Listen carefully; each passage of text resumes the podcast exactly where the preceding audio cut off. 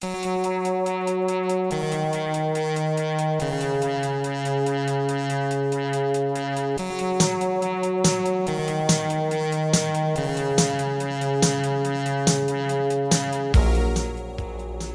to First Draft with me, Sarah Enni. Today's episode is brought to you by Are You Sleeping by Kathleen Barber, a book about how a true crime podcast brings up a family's mysteries. It's pitched as Serial meets Ruth Ware's in a dark, dark wood, and I started reading it appropriately in the middle of the night. Ooh, I am into it. This week I am talking to Jasmine Guillory, whose debut romance novel, The Wedding Date, is out January 30th. Jasmine is a certifiably badass woman who has been on her publishing journey for a while, writing a few young adult novels and, on occasion, for the much missed feminist writing website The Toast. And since the wedding date was announced, Jasmine has been leading a conversation about representation of female writers of color in the romance publishing space. I was so thrilled when Jasmine could make time to sit down and talk to me about the book, her thoughts on writing romance in a world that is grappling with women and sexuality, and so much more. So please sit back, relax, and enjoy the conversation. It's still going. um, it's so nice to meet you So again. So nice to meet you again too. Yeah. Um, so I am going to dive right into it. Great. In the interviews, I love to go way, way, way back to the beginning, which is uh, how are you, or how were you, how were you born and raised? Yeah. Where were you born and raised? Um, I was born and raised in Berkeley, California. I was born in Berkeley. We lived in Berkeley until I was 10 and then moved to Oakland right next door, so not very far Not away. too far. Um, but my parents were both also born and raised in Berkeley and Oakland, Wow. which I think you don't have a lot of like native Californians out there. My mom's mother moved to California when she was three years old. Oh, wow. And my dad's parents came out here five or six years before my dad was born. And so they, like, my whole family has been in California. I would love to know how reading was a factor in your childhood. Oh my gosh. I mean, so my parents are both graduate students when I was little. And so there were always tons of books at our house. Mhm. Um, and I grew up reading, like, constantly. What were Um, they studying? Psychology, both of them. Oh, um, wow. My dad was getting his PhD in psychology when I, at Berkeley. Mhm. um, when I was little. And so I spent a lot of time. Psychology is a great place to be if you have a little kid because there are all sorts of like playrooms for kids that now I realize that someone was probably watching me through of my glass. But at that time I was like, great, I can play. There was a whole library, at, at least there was at Berkeley. There's a whole children's books library. So I would just like go in and start reading. oh my gosh. Um, because you know people were studying the children, but I didn't know or pay attention to that. At the See, that's where I thought you were going to go Yeah. with the with the. It's great to have a kid when you're Yeah. Well, like- oh, th- that too. there were times when they would come home and like give me tests that I realized many years later that that's what I was doing. Like I just thought like, oh, there's games that mommy and daddy were playing with me, and Mhm. not so much. Doesn't everyone use Rorschach as But, yeah, exactly. Right, right. That's so Um, interesting. But I mean, but yes, I was a huge reader and like was always sitting in the corner reading while they were like studying somewhere. I was a big fan actually of like books about little British children uh, for some reason. so I read like all of the shoes books oh, about like little British orphans, you know. British orphans are real, like, they're yeah. Um, who like went to ballet school or theater school or dancing school or whatever. But then there's a whole like genre of little British children that I loved reading those books. But like Anne of Green Gables, I love the Betsy Tacy books. There's like dozens of them that I like would read obsessively, and many of those actually I still like reread once or twice a year. Some of them I'm delighted that many of them are in ebook now because I own them in multiple copies. They're my sort of comfort reading when I'm stressed. So if I'm like traveling Mhm. somewhere, I'm like, great, I'm gonna reread Betsy Tacy right now, Yeah, and it's wonderful. Yeah. A little bit of Gilbert. Yeah, called- yeah. At the end of the long day. exactly. Yeah. I have all of the Anne books on my Kindle. Oh my god, that's such Yeah, a good idea. yeah, yeah. The so what about writing? Was writing ever a part of it? Never. I never occurred to me as a little kid to write. I don't. I mean, I was very imaginative and Mhm. I read constantly, but I didn't start writing until I was in my mid thirties. I think I always loved reading, and I thought about a lot of stuff that I wanted to be when I grew up, but I ne- it, like. I never really thought about being a writer. And not, not no like poetry. Was it ta was it like in other? Were you writing longer than normal essays? Was there any way? In school, I liked like all of the writing assignments that I got. I liked doing it, Mm-hmm. um, but it never occurred to me that that could be something that like I could do more than just in school. Really, that's so Um, interesting. Yeah. I don't want to skip everything to just the writing. Um, I do want to hear about what you actually studied in college and what were you doing. Um, so- well, so I decided at a very young age that I wanted to be a lawyer. And I think this is because I had a teacher in seventh grade um, who was a black woman who was young. I think it was like her years between, I mean, Oh. she was like in her mid 20s maybe. Mhm. Um, and she went, went on to law school after that. And I was like, oh, that's what I should do. I like all of these things that she teaches. Mhm. And so then, like, I wanted to be a lawyer ever since, basically. That's interesting. And I also really wanted to go away to college. So I went to the East Coast College. I went to Wellesley College in Mm-hmm. Massachusetts. And then I took a few years off after college and worked in DC. And then I came back to California and went to law school. So I okay, I love this.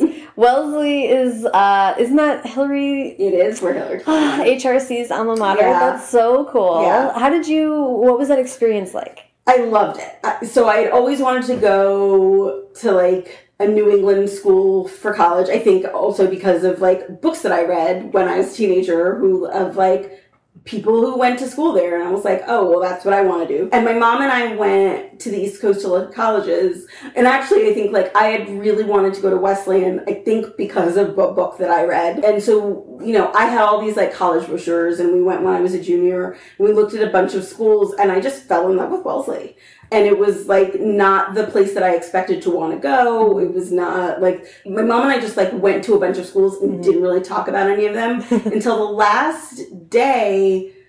I forget where we were going the next day, and I said something, and she was like, "Well, it'll be hard to measure up to Wellesley," and I was like, "Yes, exactly." That's so Um, funny.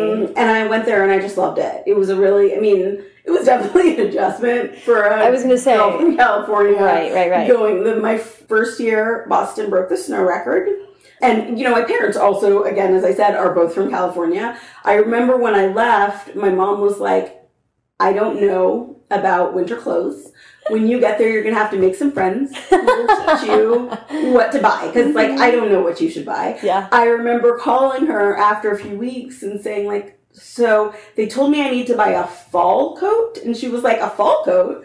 What's a fall coat? I was like, apparently that's different from a winter coat. Like, What are the gradations Yeah, of- there yeah. are different coats that you need. Um, God. So yeah, so dealing with winter for the first time in my life was difficult. I moved from Seattle to DC, and when I showed up in DC, I was like, it was literally like, oh, like closed toed shoes, like boots. You know, Converse was like Yeah. the most I'd had to do, really. And then I remember this is like Seattle's so informal, and I'm not sure, but it feels like Berkeley and, and Oakland are kind of the same. That I was like, oh, I need like a suit. Yeah. Like I can't just like show up in my nice jeans. Right. yeah. Yeah. To work, it was such a like startling moment. Yeah. I mean, and right, it's also like the weather, but it's also a culture shock. Like Totally. the California and Boston are just very different places. Yeah. So, But you dug it? Or yeah, I mean, there was a lot of adjustment, but also, you know, Wellesley's just a very like very collegial atmosphere. It's a small Mhm. campus. Everyone kind of takes care of one another, which I, I definitely needed at that Mhm. time. So that was really good. What did you study there? Um, I was a history major. For a while, I was a history and political science double major, Mm-hmm. and then I ended up like at the last minute kind of dropping that double major. But I Mm-hmm. I did a lot of political science. I also actually took a lot of religion classes Cool. because I had some professors that taught it that I really loved, and I've always been interested in like yeah. the ways different cultures deal with that. Oh yeah. That's, are you religious yourself? Um, yes, I grew up Catholic. Yes, Oh, me too. yeah. um, any kind of specific part of history or time period? Uh, or- I ended up concentrating on American history actually, Mm-hmm. which I always thought I would want to do European, but I had there were like two American history professors that were just great, Mhm. and so I ended up taking a lot of classes from them and really being interested in, and it, it jived like. A lot of the politics that I liked was American politics, and so it all sort of came together in. Yeah, really studying political science was that with a historical aspect, or was it more just modern? It well, the thing about the political science major there is they made you take like different kinds of political science classes when I really just cared about American politics and like to a certain extent European politics. Mm-hmm. But I had to take political theory in order to get the major. You had to take eight classes to be a major. And I ended up taking six and it was like second semester my senior year. And I had to take a political theory class and then like some other sort of like abstract political class. And I was like, or I could just, I already have it. Like, I have everything I need to graduate at this point, and I Yeah. can do this. So, Yeah, that's so Um, funny. I had a, um, I did English and journalism, and then I was going to do a minor in French. And when I looked ahead, I was already doing four years. I called it four years on a football season, and I was like, I got listen. I got to Yeah, get out of here. right. like Yeah. I'm overstaying my welcome as it is. Um, that's so funny. So you always knew you wanted to be a lawyer, and that kind of obviously persisted. Yeah. What were you doing in DC? I worked on Capitol Hill. I worked for Ah. Senator Boxer when I was there. Yeah. Oh my god, that's amazing. So you you've always been political then. It yeah. seems like. No, I've always loved politics and, you know, this past few years have taken some of Oh yeah. the love from me, but I've always really been a political junkie. Uh, and then you came back over here for Stanford Law. Did you think about staying on the East Coast, or were you? Um, I did, uh, I did, but I, I ideally wanted to come back to California. Mhm. Um, and then it was sort of a nature of like, where did I get into law school? Mm-hmm. So before I got into Stanford, I had planned to go to New York because I Oh. had there there were a few law schools there that I had gotten into, and I was like, okay, because I, d- I actually did not really think I was going to get to Stanford, and then I got to Stanford, and I was like, yes, I'm going back home. Love it. Uh, when you, over the course of wanting to be a lawyer and then eventually actually going to law school, did uh, it shift what kind of law you wanted to study, or how did you think about what you wanted to actually get into? I mean, no, like I was always interested in kind of civil rights work, politics, some like public interest stuff. Mm-hmm. What shifted more is the nature of like how to do that kind of work, Mhm. which is it's very difficult. After I graduated from law school, I clerked for a judge for a year, which was wonderful. Awesome. Um, and then I worked for a law firm for a few years. Mhm. And then I did, then I worked for legal aid, which is a great and really interesting job, except it's very difficult to live on a legal aid salary, especially in the Bay Area. Yeah, I mean, I think that's what, that's one of the big struggles of being a lawyer is, and being a lawyer who wants to do good is like, it's very difficult to do that and Yeah. like, survive, especially in a big city. And when you look at all of the people who work at legal aid for a long time, usually they have a spouse who makes a lot of money. Um, and I did not have a spouse who made a lot of money. So, Yeah. Tell me how the urge to write came about. so I was at, this was after I left legal aid and I was working at another um, legal job that I liked a lot. But then after a few years, I realized I needed some sort of creative outlet in my life that I didn't have. Mm-hmm. and I would start to kind of think about what that could be because I like I can't sing. I really like to cook, but that's you know that doesn't really do it. Yeah. Uh, I cannot draw, and I thought like, well, I've always loved to read. Mhm. What about writing? I, it felt like very kind of scary to me to even think about. I think because I had been on like one path my whole life and I'd never really thought about writing and I always thought about like writers as being a different kind of person than me. I think partly because there's this idea that like writer is like quiet and introverted and like off in their like dark room and not talking to anyone and that's the opposite of how I am. Um, so I just sort of thought of like writing as not being for me, but then I started thinking about it. And then I have a friend, Amy Spalding, who is a writer who lives in LA. And it's funny because I told her recently, I reminded her recently of this conversation, and she had like no idea of how important it was to me at the time. But I was down in LA for work. And we were like driving, I, you know, and then I stayed an extra day or so to hang out with Amy, and we were driving around, and I started like talking to her about like, well, when did you start writing? What do you think about what if I tried to do that? And she was very like supportive and helpful and was like, yes, absolutely. I think you'd be great. I would read anything that you wrote. And it was really that like push to get me started. But, uh, you know, I told her recently about that conversation. She was like, I had no idea that was such a big deal, right? Like, That's amazing. I, I was just excited, but I, that was like really the first time I'd ever talked to anyone about writing. And actually, I don't think I even talked to another person about writing for like a year after that. Wow. Um, while it I was like sort of secretly writing, but not telling anybody but Amy. That's Yeah. so interesting. Okay, I want to really quickly put a pin in that. And part of what you said was so interesting just now. The the idea that you had been really working your whole life for the, to be a lawyer and to get this law degree. That's a big goal, but then you achieve it. Yeah. and then it's sort of i mean i'd love to hear you talk about what that feeling was like you seem like a driven person and when you don't have like a goal i personally feel crazy when i don't yeah, and I think I kind of realized through a few jobs that I there were certain things that I liked about being a lawyer, but I didn't actually love practicing law. Interesting. um, and I liked a lot of the like when I worked at legal aid. I went to lots of community meetings. I loved talking to clients. Mhm. I loved like a lot of that kind of work, but I didn't a lot of the like day to day stuff I didn't love as much. And it was interesting because I have an, a friend who works for legal aid on the East Coast, and I remember once she was like complaining about all of the community meeting stuff she had to do. I was like, oh, that's the stuff I like. but I think she's a better lawyer than I was because she liked all of the legal work, and that was the stuff that just like. I was like, oh, I want to get this over with while I can go talk to people. right Um, right and so- have a personal connection Yeah, yeah. that's so interesting so so i mean that makes total sense to me that you're once you're sort of in that place then yeah you're looking around like what what's another way i can challenge Yeah. myself was your first attempt at writing a romance novel No, not at all. My first, the the first like one and a half books basically I wrote were young adult books. Partly because I'd been reading a lot of young adult, and also because of Amy, who's a young adult writer, and I knew like other people who did that, and that was kind of where the story that I had in mind.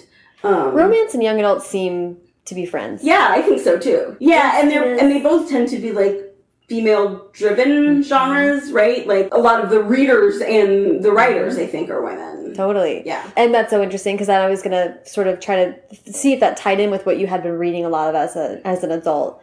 It seems like you read really widely. I do. I mean, I think, yeah, I, there's certain genres that I don't read as much of, but I read a lot of young adult romance, like literary fiction, mystery. I've been reading a lot of mysteries this year.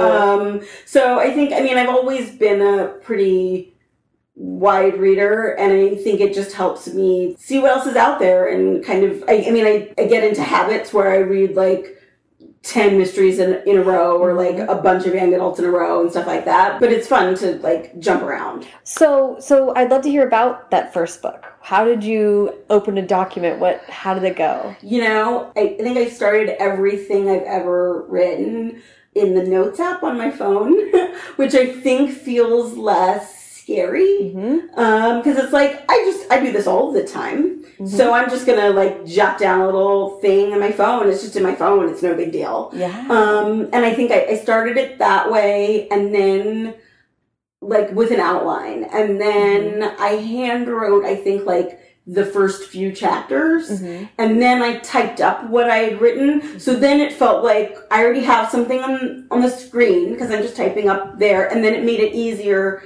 to kind of keep typing. That's like such a good like hack. But it was really just like inching my way Yeah. into doing it. There is something that's just so intimidating about a blank page. So Yeah. anything you can do to have something there Right. feels so Yeah. feels like a, a- Yeah. an accomplishment into itself. Um, how did the first draft go? What was that experience like? Um, I, just really enjoyed the act of writing. Mhm. you know, I would come home, I would sit on my couch for two hours and write.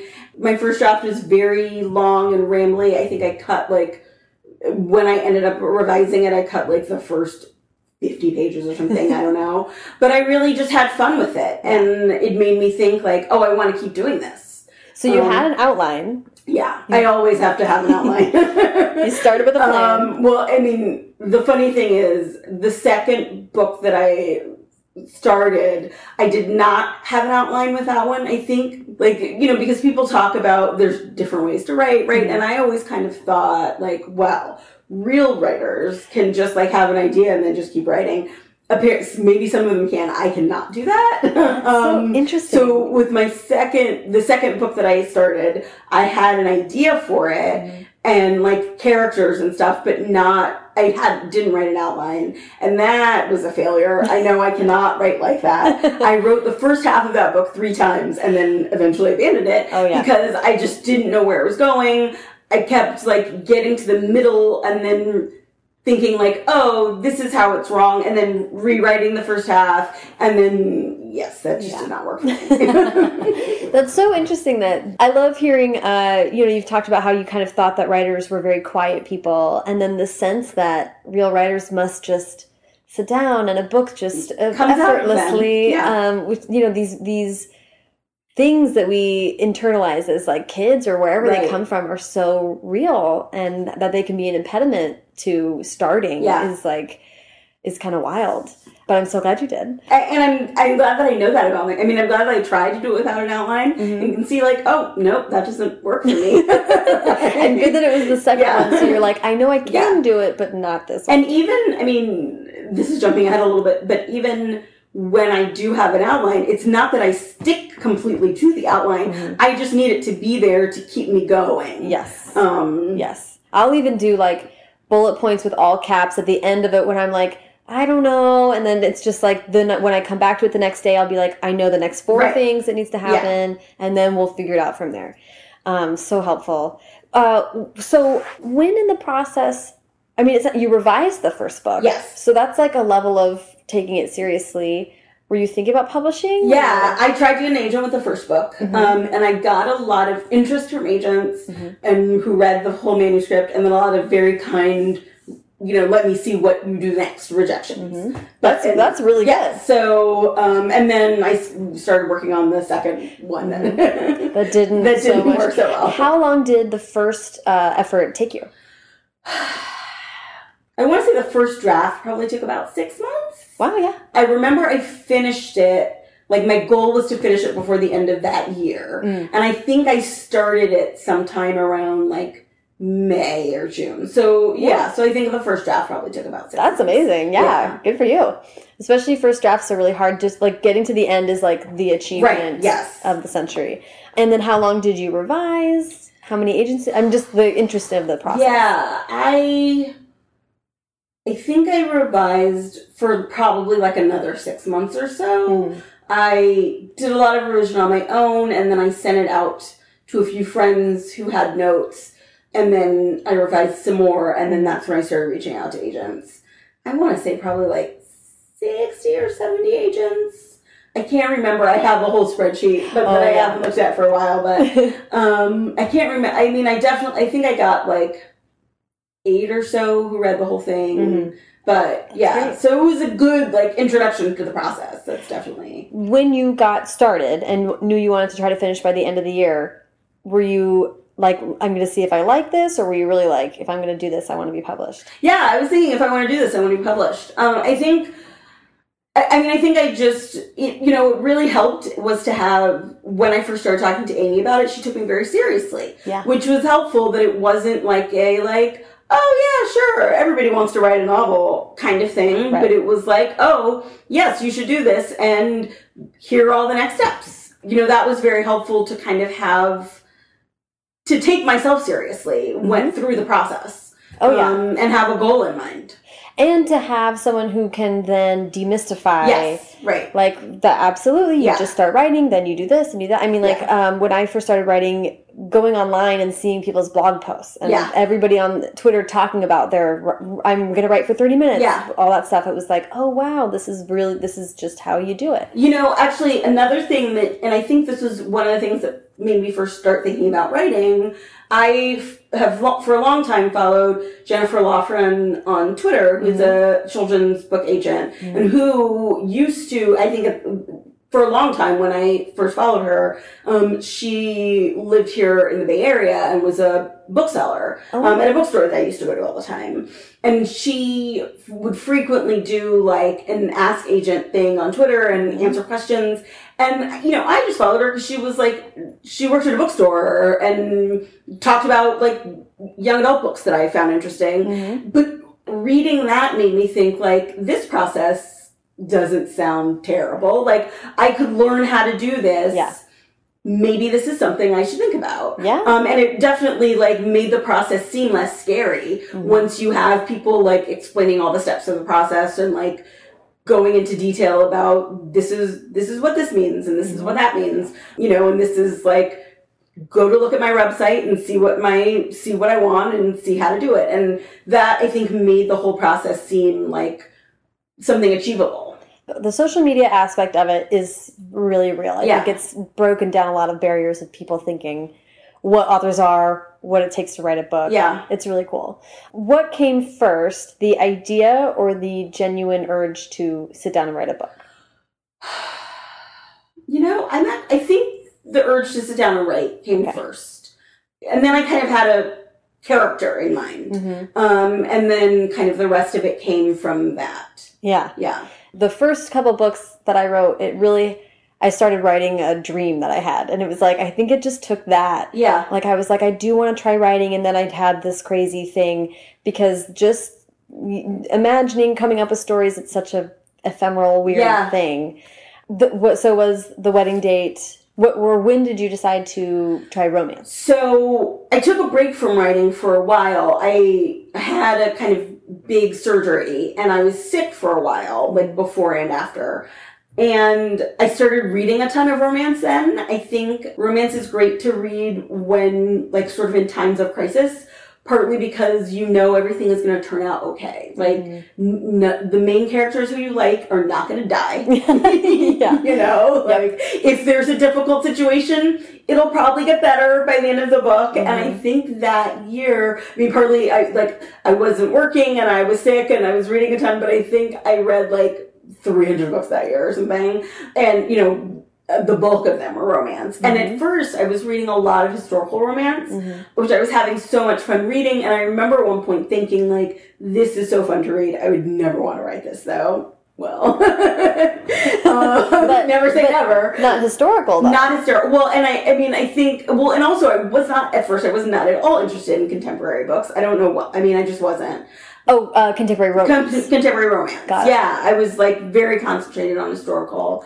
And then I read a few, I think I saw a recommendation on a romance blog, and I read one, and I was like, oh, I really like this contemporary romance. And then I read a bunch more, Mhm. and that's when I sort of started like thinking through a story, even though I wasn't. I wasn't really committing to myself to write it just yet, but I Mhm. kind of started thinking through a story and then again like just jotted it down in the notes app in my phone um, a little outline Love it. um, so but yeah it was it really took until then That's such a great to read like 300 books. Like talk about filling the well. right yeah Like what an amazing like turbo boost. I can imagine then when you did get back to feeling well and able to write again, did it happen really fast? Well, it did actually, and, and it was interesting because reading that many books. I mean, I read a lot of really great books and a lot of books that I did not like at all. Mhm. But it really taught me what I don't like in a romance, and I mean, what I don't like in a book in general. But like what I and like what I wanted to stay away from doing, hmm um, which was very helpful. Like it was good to read books that I didn't like. Well, romance can be uh, like like genre books. Romance has tropes that work, tropes that don't work, Yeah. and so when you have when you know the ones that you're like, I don't care how many fake uh, in the wedding date fake relationships. I see, I love them every time. Right. Like it always works. Um, and then other things where you're like, I don't, this never works for me. I don't care for it. So some of the best advice that people gave me was like, if you're reading a book and you're not enjoying it, either don't finish it and move on to something else or finish the whole thing and then really think about Yeah. it. So I ended up like talking more about books I don't like than Yeah, than books I do like because they're so instructive. right. Um, so you have it in your notes app. You're kind of getting started. How does writing it go? So I had it in my notes app, and I hadn't really committed to myself to write it yet. Mhm.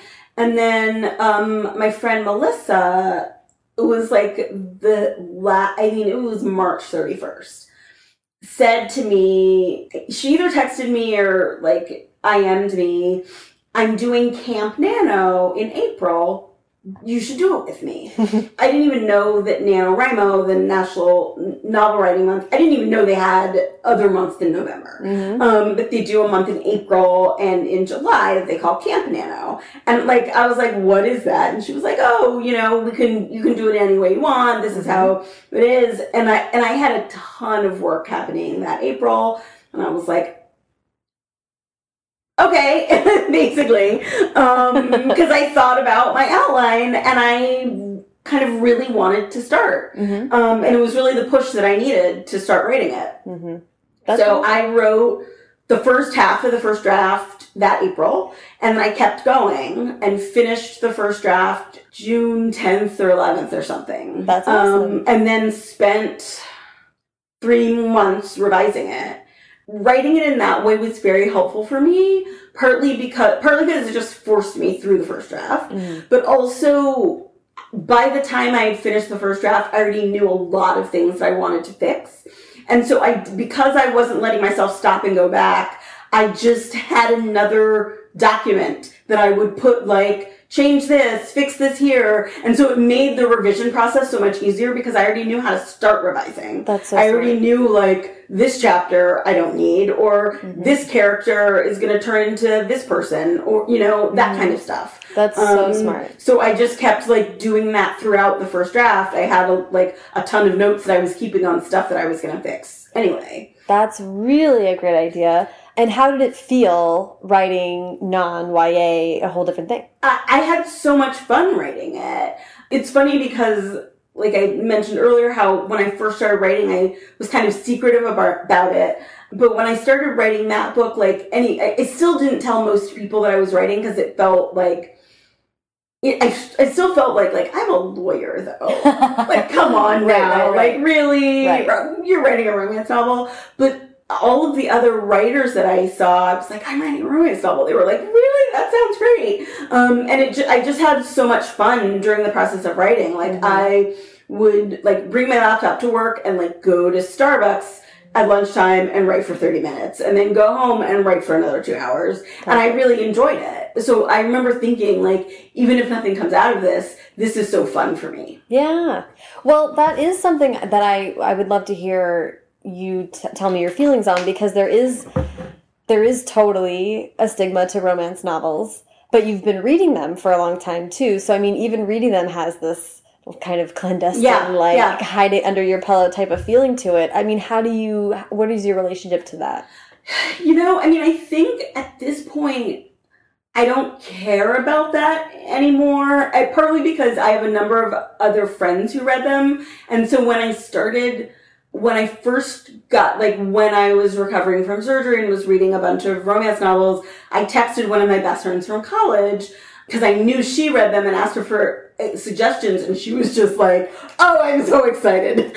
And it was actually funny because the two years later, the two of us went on vacation to Hawaii together, and we were both like sitting on the beach reading on our Kindles, and realized like halfway through the day that we were reading the same book. Oh my gosh, that's perfect. yeah. So so it's that. so I like I have other friends who read them. I just like life is too short to care about what other people think about what you're reading, right? Exactly. Well, and this is another thing that I think young adult and romance share is this kind of to some people there's the, a scornful Yeah. attitude towards it and it is um it really could give no fucks Yeah, about it. right. it just is like such a waste. Of, Yeah. And honestly, what kills me is I'm like what are we? We're giving people shame for reading? Yeah. And read anything. Yes. Read a cereal box. Just read, you know. And I actually, I had a teacher in high school who I remember said that to us, like, I don't care what you guys read, just read it. He was my biology teacher, but he did a lot of like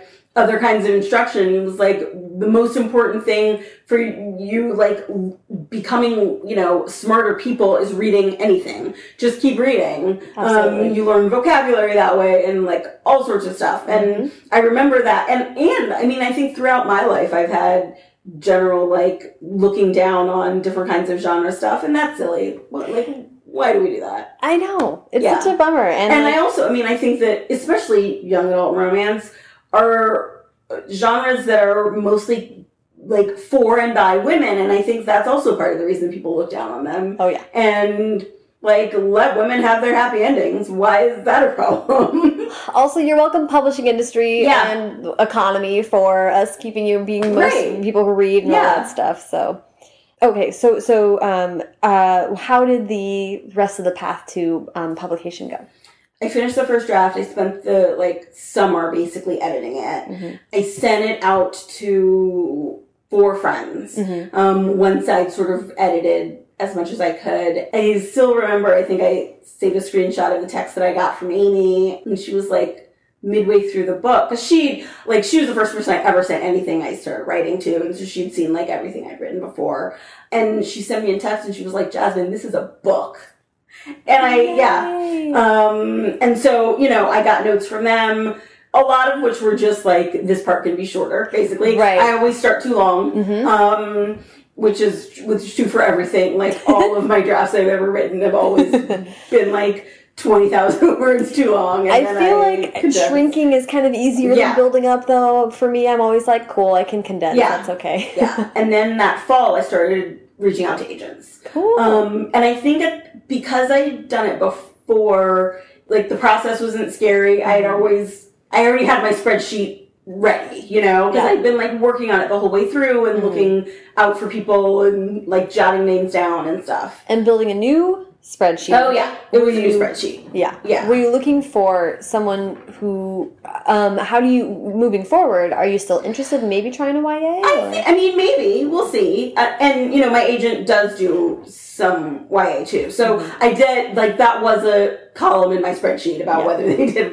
I'm like, I want to see this spreadsheet. Yeah. I love them. Um, and how did that process go compared to your prior experience? Um, it was like I got a lot of interest Mm-hmm. pretty early on, and then a number of rejections, people who read the whole way through, Mhm. and I started wondering like, is this going to be how it was last time? Right. You know, I wasn't sure, and then um, and then I got my first offer, like four five months after I first started sending them out, um, and I ended up getting offers from three agents, and then I went with my agent Holly Root, who's wonderful. That's so exciting. Yeah. And then how long did it take to um, on the editorial sell said? Ended up, I did some more revision. Mm-hmm. She sent, started sending it out in April, Mm-hmm. and I got the deal in October. But again, like I got a series of rejections throughout the summer, two of which came like on back to back days. Oh, The actually the nice thing about those two is that they had like said totally opposite things, so they made me feel better because one was like, I really like the plot. I like the you know the woman, but I don't really like the guy, and I don't like the voice. And then the next one was like, I love her voice. I like both main characters, but the plot is very boring. And so, or like, there's no real anything in the plot. And so it was helpful, but I, because I was like, oh, okay, this is clearly it's just Yeah. subjective. right. It's just about what calls to someone. Yeah, yeah, Um, that's that is really helpful. Yeah, the silver lining for two rejections Yes. in two days. Like, oh, yeah, yeah. Um, At least if they both said the exact same thing, then I've been like, oh, okay. That's well. true. But um, That's true, and that's that is like uh, good advice for people. Is like if you hear one note for one person, they're subjective. But Yeah. if you're hearing the same note three, four, five Yes, times, right. then you can rest assured that's Yeah. probably needs Yeah. to be addressed. So let's actually, um, I would love to have you just give uh, a little the pitch of the wedding date, and then we can talk about the book a little bit. Yeah, so the wedding date is about two people who get stuck in an elevator together.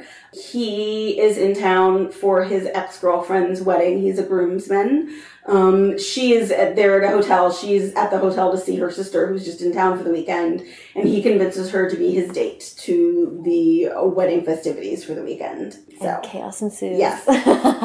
um, it's such a cute book. Thank it you. made me so happy to read. I haven't finished it yet. I'm like, but I'm like halfway through, and it's just been such a joy. Um, oh well, I'd love to hear. Um, was it always?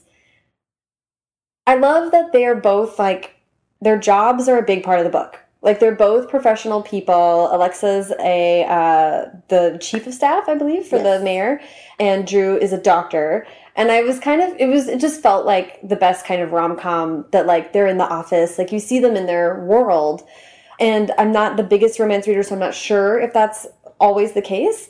But it was it just felt like such a great thing for these characters. You really got to see them be professionals at something. Well, that's great because that's like what I wanted to do. Mhm. Um, one of the reasons actually that I started thinking through this book was because I had been reading a lot of romances. Um, and a lot of contemporary ones, like they're like set in small towns Mhm. where someone, you know, like starts a bakery or someone has a daycare center or something like that. Those are all fine jobs, but they didn't seem like the jobs that I see on a day to day basis. And I was like, I want to read books that are like me and my friends who are, you know, professionals who live in a city who date other professionals who live in cities. Because because most of the people I know, their jobs are important parts of their lives. Right. Um, and so I wanted characters who reflected the reality that I see. Yeah, you know that's that's you're you're putting a finer point on what I was kind of trying to say, which is like it her Alexa's job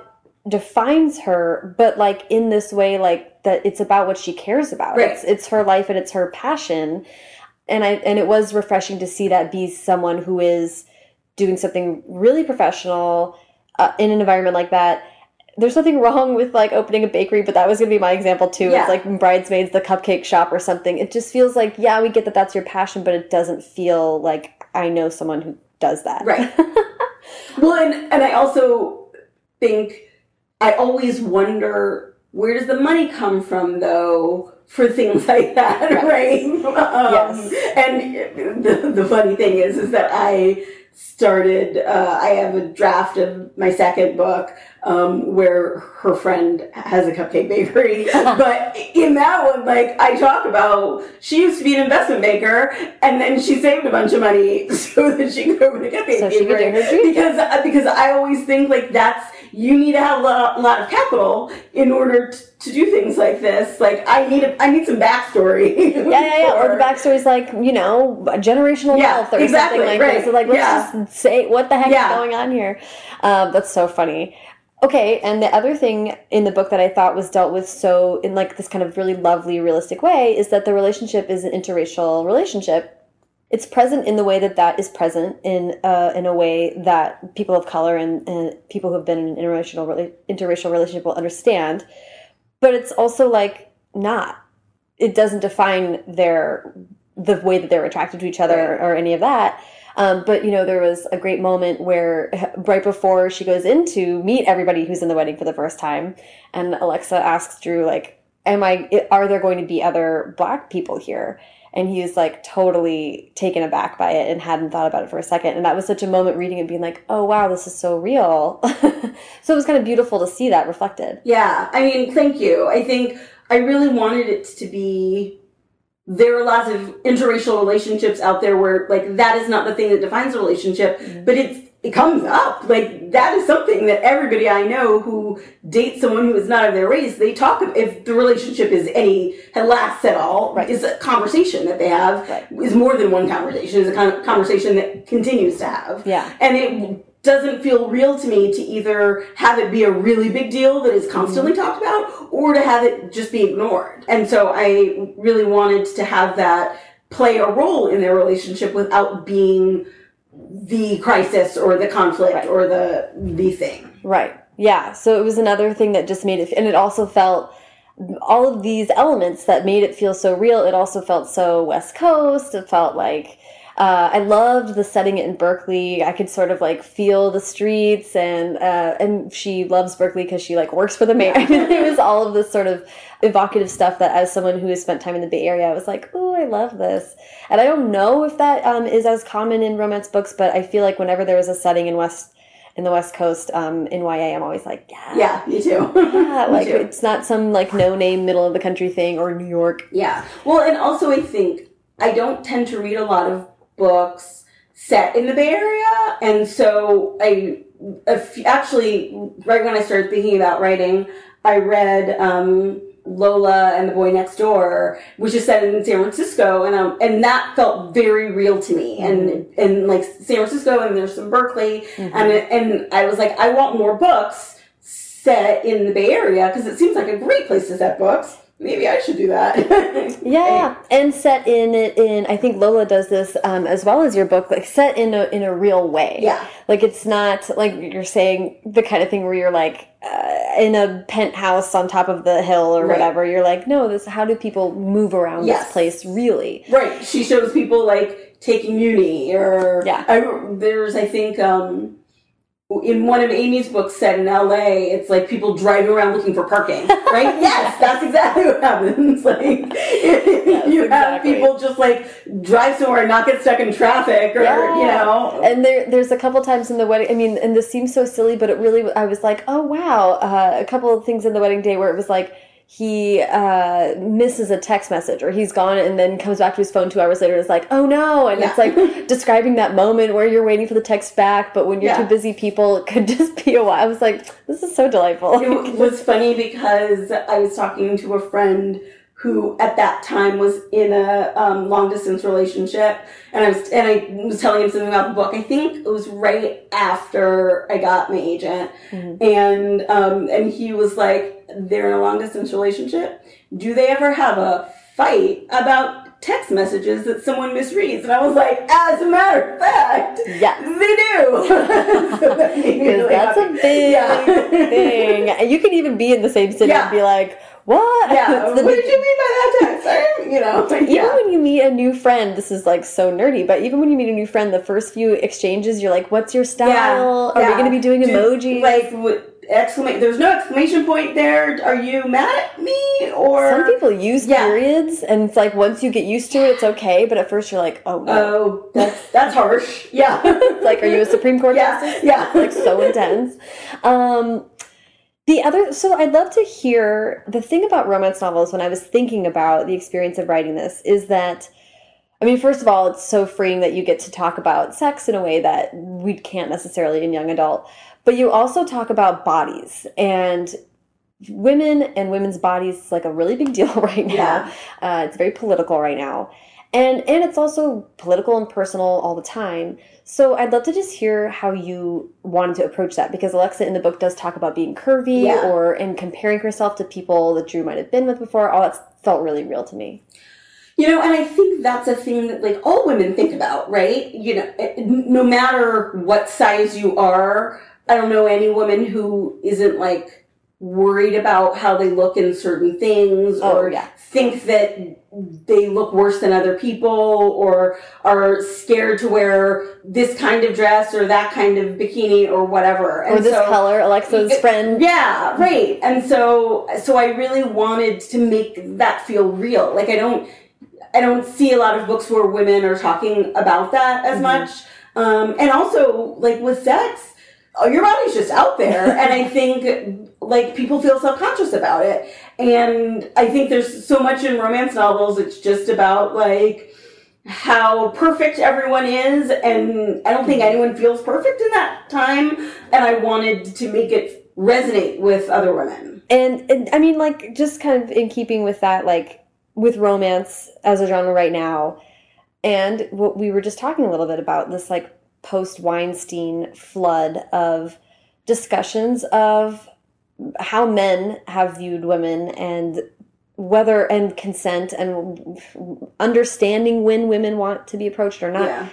this is a huge broad topic and i don't you know i want to put pressure on you to answer it but it's interesting to think about romance novels existing in this culture right now and what they can serve the readership or what kind of role they can play Yeah. right now i'd love to hear what you think about You know, I thought about that a lot actually in the context of like affirmative consent. it Mhm. um because i feel like that that's an important thing for me in romance novels Mhm. is to even if i mean i think just to be clear that like everything that they are doing they are both doing it because the other person has said yes Mhm. you see i've seen all these like kind of stupid things from men being like oh no what am i going to do you're, you're going to have to ask permission before you kiss someone sure maybe uh, that's great like i think it can be very sexy when a man asks like can i do this Yeah. right like Yeah. there's so many great ways to to do that Mhm. um, and so I think that's something that I think can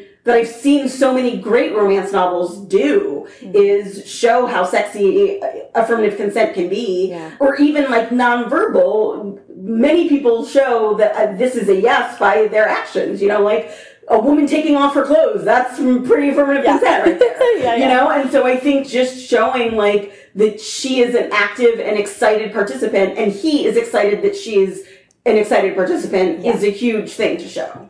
And you got to be in Drew's mind, kind of writing from. I mean, what was it like to write from a male perspective? You know, so the two previous books that I had written were young adult and were written in the first person Mm-hmm. and were from women. And so this was actually the, my first time really writing in third person or from a male perspective. Wow. um, which was which was weird.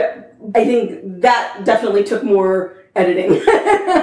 Interesting. Did, yeah. How did you get into it, or You know, I have I have a number of very good male friends from law school, Mm-hmm. which I think helped because like Drew isn't any of them, but it certainly helped to have been around them, listening to them talking about women or just talking about anything. Yeah. Um, so some of that helped a lot. Men talking about relationships? Yes. Yes. Um, because it also is the kind of thing where I'm like, I'm thinking, I'm putting, trying to put myself in your shoes, and I'm like. I- don't know that I'd have. I, I would want to give it to a guy friend of mine Right. to read. I don't know. It's funny. I did give it to a guy friend of mine to read, Good. which he was horrified at the sex parts.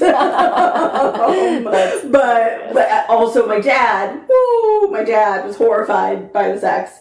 Um, But he read it? He read it. Yes, it Yay, took him Dad. a while. He he started it and then like uh, sent me a series of texts at first that he was liking it, and then he was like, I don't like this part. but yes, but poor dad. yeah, I know, poor dad. for very understandable Yes, reasons. yeah. That's so funny. Well, okay, and another thing that uh, is been interesting that's been happening with romance lately is the Ripped Bodice. Um, the Ripped Bodice, which is the first all romance bookstore in the U.S. and it's in Los Angeles. Very exciting.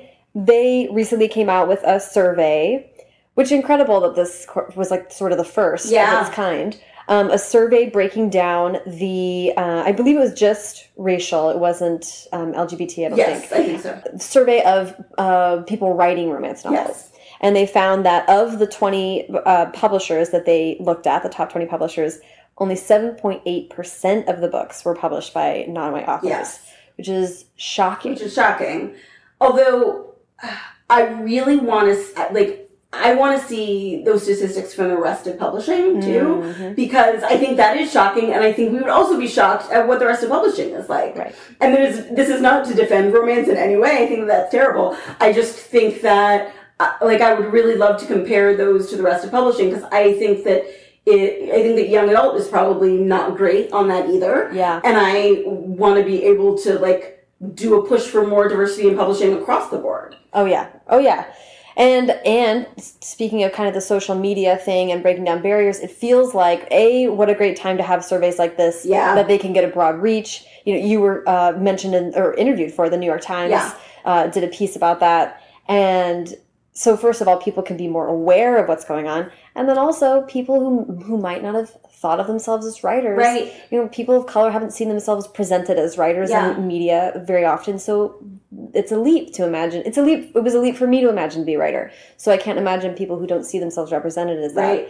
in very many And also ways. people who may have not thought that they could see themselves in these books to say like, oh wait, there are books by women who are like me. I want to read those. Right. Um, because when I first started reading romance, I didn't like I didn't read any books by any women of color for a while, just because they weren't the first ones that you know. I think I was like just kind of looking at the the first few ones I saw on Amazon and what was in the library Right. because I read a ton through the library and there weren't a lot. And then I started digging and found them. But you have you do have to do some digging Yeah. to find books by women of color romance. Yeah.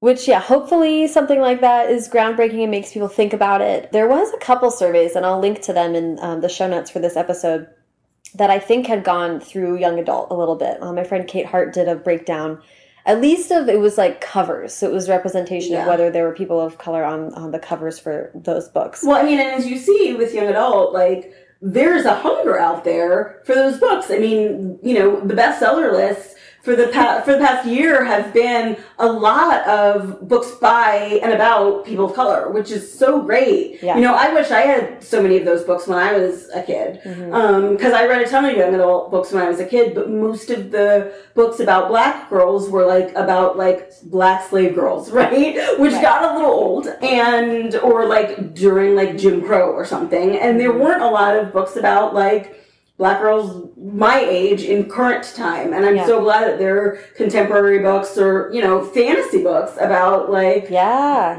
about girls of color Yeah. That's girls what- and boys of color Yeah. Um, it's like uh, I interviewed um, Alex London, who's a, a gay male writer, and he was like, "I just want to see a gay, a young gay man steering a spaceship." Yeah. like you know, right um, it matters. It matters to see that. I found in my in my researching or preparing for this interview that you think you're going to write a nano pep talk. oh yeah so this will come out, I think, after that's Yes, released. yes. So, but, but what are you for me? What are you going to write about? um actually i wrote it last night um Awesome. because or no i wrote two nights ago because i realized i had a very busy week last week and this week and then i was like that's that's for next week. I wonder when it's due. And then I looked at the email and I was like, it was due tomorrow. I'll write that. I'll write that. Um, but I basically wrote about how important it is to take breaks because I have realized, and I realized that this while I was writing my first book, that sometimes just stillness really helps with breakthroughs. Um, and that happened actually because I was and this sounds so Berkeley, but I was doing acupuncture, and actually at first, like going to acupuncture was really difficult for me because I am usually doing something. So Mhm. even when I'm like sitting somewhere, I'm on my phone or I'm reading or I'm listening to something. And you know, acupuncture, they because like I threw out my back, Mhm. and I had like laying on my stomach with needles in my back. I could not grab my phone. I could not do anything. I just had to lay there. And the first time I was so, it was like very stressful for me to just lay there and do nothing. Mhm. And then I started really getting into like having an hour a week where I just lay there and did nothing. Mhm. And then I, I was thinking about my book all the time and I would sort of just like lay there and kind of think about things. And then I would just have like breakthroughs while I had kind of the stillness where I wasn't actively working on it. And then I've since realized a lot of times that will happen to me right when I'm falling asleep. When I, you know, I've sort of let my mind go and I've just kind of let things like stir around in my head, but I'm not thinking about it. That's this has meant that I've forced myself to wake up when I have good ideas and again put them in the notes app of my phone because otherwise in the morning I've forgotten. Yeah, I was gonna say Um, gotta make sure you write that But like, and you know, I know people who talk. I, this doesn't happen to me in the shower, but I know people who always have great ideas in the shower. Yeah. Or like going for a run or I do like that. running. Um, and so that's what I talked about is like how important it is to take breaks and Yeah. kind of let yourself think about your book when you're not actively working on it and not like push to keep go go going all the time because a lot of times Yeah. you need that like stillness to have creative breakthroughs. Yeah, well, and um, uh, I forget who it was, but on one of these previous interviews, someone was saying, you know, we've really forgotten the value of being bored. Yeah, Man, yeah. I don't think I would have been as imaginative a little kid if I hadn't been bored a I lot know, the me time. too. And you just have to come up with ways to like entertain the, yourself. the numbers of times I spent like sitting in a corner waiting for my parents. You know, I didn't. They didn't have a phone or an iPad to hand to me. no, Like, no. It was just like read the back of this pamphlet. Literally, yeah, I said cereal box earlier. That's because I was Yeah, there and read the cereal yeah. box over and over and over again. Um, yeah, that's that's huge, and and permission to give yourself a break. Right. But that is still work. Yeah. That's something that writers I think struggle with a lot is to say like if you're gonna you know if you're if it's really a wall you can go for a walk that day Yeah. and you're still doing your job. Right. No matter what it looks like to anyone else, that you know that you're still working. Yeah. I cannot let you go without asking you about Roxane Gay reviewing your book. I think there was uh, in the city of Los Angeles there was a collective gasp. so many text messages. We were like, "What? Did you Oh see my god, that?" it was crazy. So I I've met her twice, um, just when she's been in the Bay Area for Mhm. things. But that came, but like, I mean, I think you know, we'd followed each other on Twitter for a long time, but she follows a lot of like other black writers on Mhm. Twitter. And I emailed her and said, Can I send you a galley? She said yes, and because I knew she liked to read romance, and she Yeah. tweeted some about it. Um, and she said yes, I'd love one, and send me her address. But that was like on a Saturday. My publicist sent the galley to her on Monday. Mhm. By Wednesday, she was tweeting about it, and it was funny because um, so Mallory Ortberg is a good friend of mine, and I had told her like, oh no. I sent the gallery back saying, "What if she hates it? Right? She's gonna hate my book." And I know that like she writes good reviews. She's gonna get. Oh no, this is gonna be terrible. And Oh, no. Mallory's like, "Stop! It'll be fine. It'll be fine." I was like, "Mm." and then I was in the bathtub, and my phone rang, and I for some, I talked to Mallory earlier that day, like like an hour before. Mhm. So my phone rang and it was her, and I was like, "What's she calling back for?" And she was like, "Check Twitter," and I was like, "What?" And then I saw her tweet about like how she like with the picture of the book, and I started screaming. Yes. And then the next day, I was on BART on my way back from San Francisco, like scrolling through Twitter. I was on a delayed BART train. It was like 10 o'clock at night. and then I saw her tweet that she gave five stars to my book. And I was like, "What- like I can't stand up and start screaming right now. What am I gonna do? yeah, keep it cool. Oh my Yeah gosh. that was it was really and and also I, I have to say that so I mean because publishing is a very you know talking about diversity in publishing publishing is very white and up until that point only one other black woman had read the book Oh, wow. um two one of them was my mom so I knew she was gonna like it and then one was a friend of mine who had actually been an early reader and given me notes Mhm. um, so it just meant so much for like other black women to really like and care about my book and my characters and the relationship. To respond to Yeah. it. That's so huge. Yeah, she, that was like, the tweet heard around the Yeah. world. We're all like, oh my God. Yeah, It was Yeah, so was- it was exciting. exciting. So exciting and so cool that she's like this tastemaker, you know, Yeah. like that means so much um, to a lot of people, Yeah. booksellers and people like that too. Uh, uh, oh, I was going to ask about just what's what is next. When you sold the wedding date, was it for just It was one a book? two book deal. Two book deal? Yeah. So next is the proposal, um, which is a book about uh, Drew's best friend from the book, Carlos. Amazing. It, it starts. It, this book is set in LA, actually, Okay. uh, which I had to get a lot of. Like, I did some scouting in LA, and then I got a lot of advice from my LA-based friends um, about sort of where they would go and stuff. Mhm. Um, but it starts at Dodger Stadium. The woman in the book, Nick, she gets proposed to by her at the time boyfriend over the jumbotron on Dodger at Dodger Stadium, and she says no. Oh man. And that's the beginning of the book. That's and, and Carlos is sitting behind her. Okay, it's such a good pitch. Holy cow. And it's uh once again both perspectives. yes, yes. That's cool. That's really cool. So have you thought about what you want to tackle? That's such a horrible question, but have you thought about I have some ideas for for what would come next. Okay. Um, but we'll see. and still in the thinking romance or I'm still thinking romance. Yeah. Yeah. I mean, I've had a lot of fun writing these. Mhm. Um, I think maybe at some point I would want to write a young adult again, but we'll see. That's really cool. Um, so uh, I wrap up these interviews uh, by asking for advice. I think just to keep pushing yourself, keep reading. I mean, I reading so many books really helped me kind of become a better writer, learn what I liked and what I didn't like. um, the kinds of things that I wanted to do and not to do.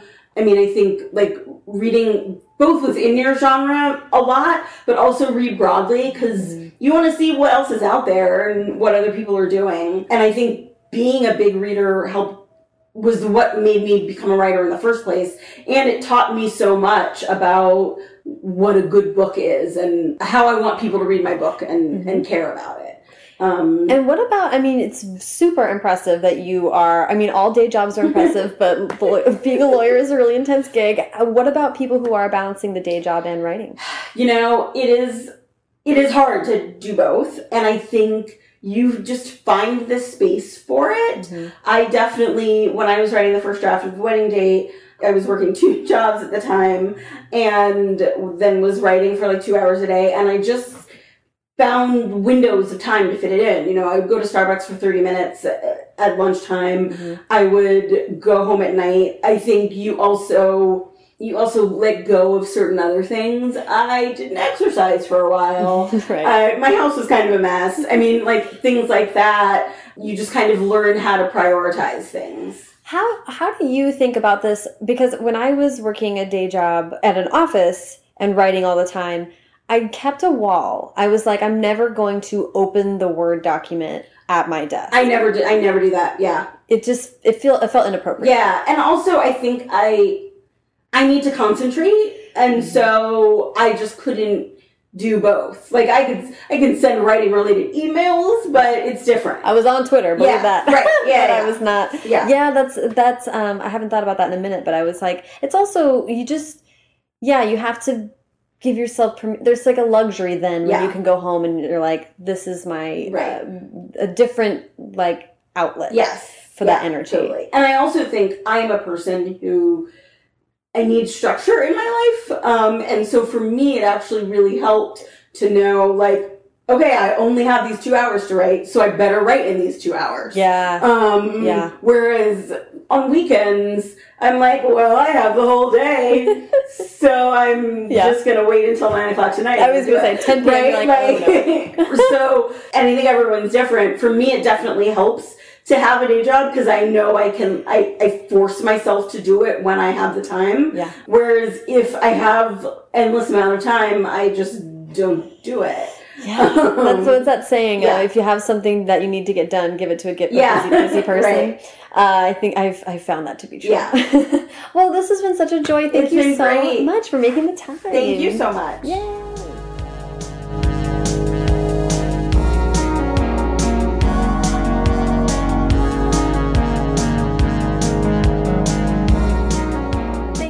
Much to Jasmine. Follow her on Twitter at the best Jasmine, and me at Sarah Enni, and the show at First Draft Pod. You can follow the show on Instagram and Facebook too. But for links to everything Jasmine and I talked about in this episode, as well as a searchable archive of previous interviews, and to sign up for the First Draft newsletter, be sure to check out firstdraftpod.com. Don't forget to order your First Draft calendar, a 2018 writing inspiration calendar filled with original drawings by myself and fellow YA and middle grade writer Kirsten Hubbard by going to firstdraftpod.com slash merch or look for the link on Twitter, Tumblr, or Facebook. If you like what you heard, please leave a rating or review on iTunes. Every five star review makes me want to get stuck in an elevator or enter a sham marriage or find a reformed rake in a kilt or any of those romance tropes that are so damn delightful. Thanks to Hash Brown for the theme song and to Colin Keith and Maureen Gu for the logos. Thanks to super intern Carter Elwood and transcriptionist at large Julie Anderson. And as ever, thanks to you, modern day romancers, for listening.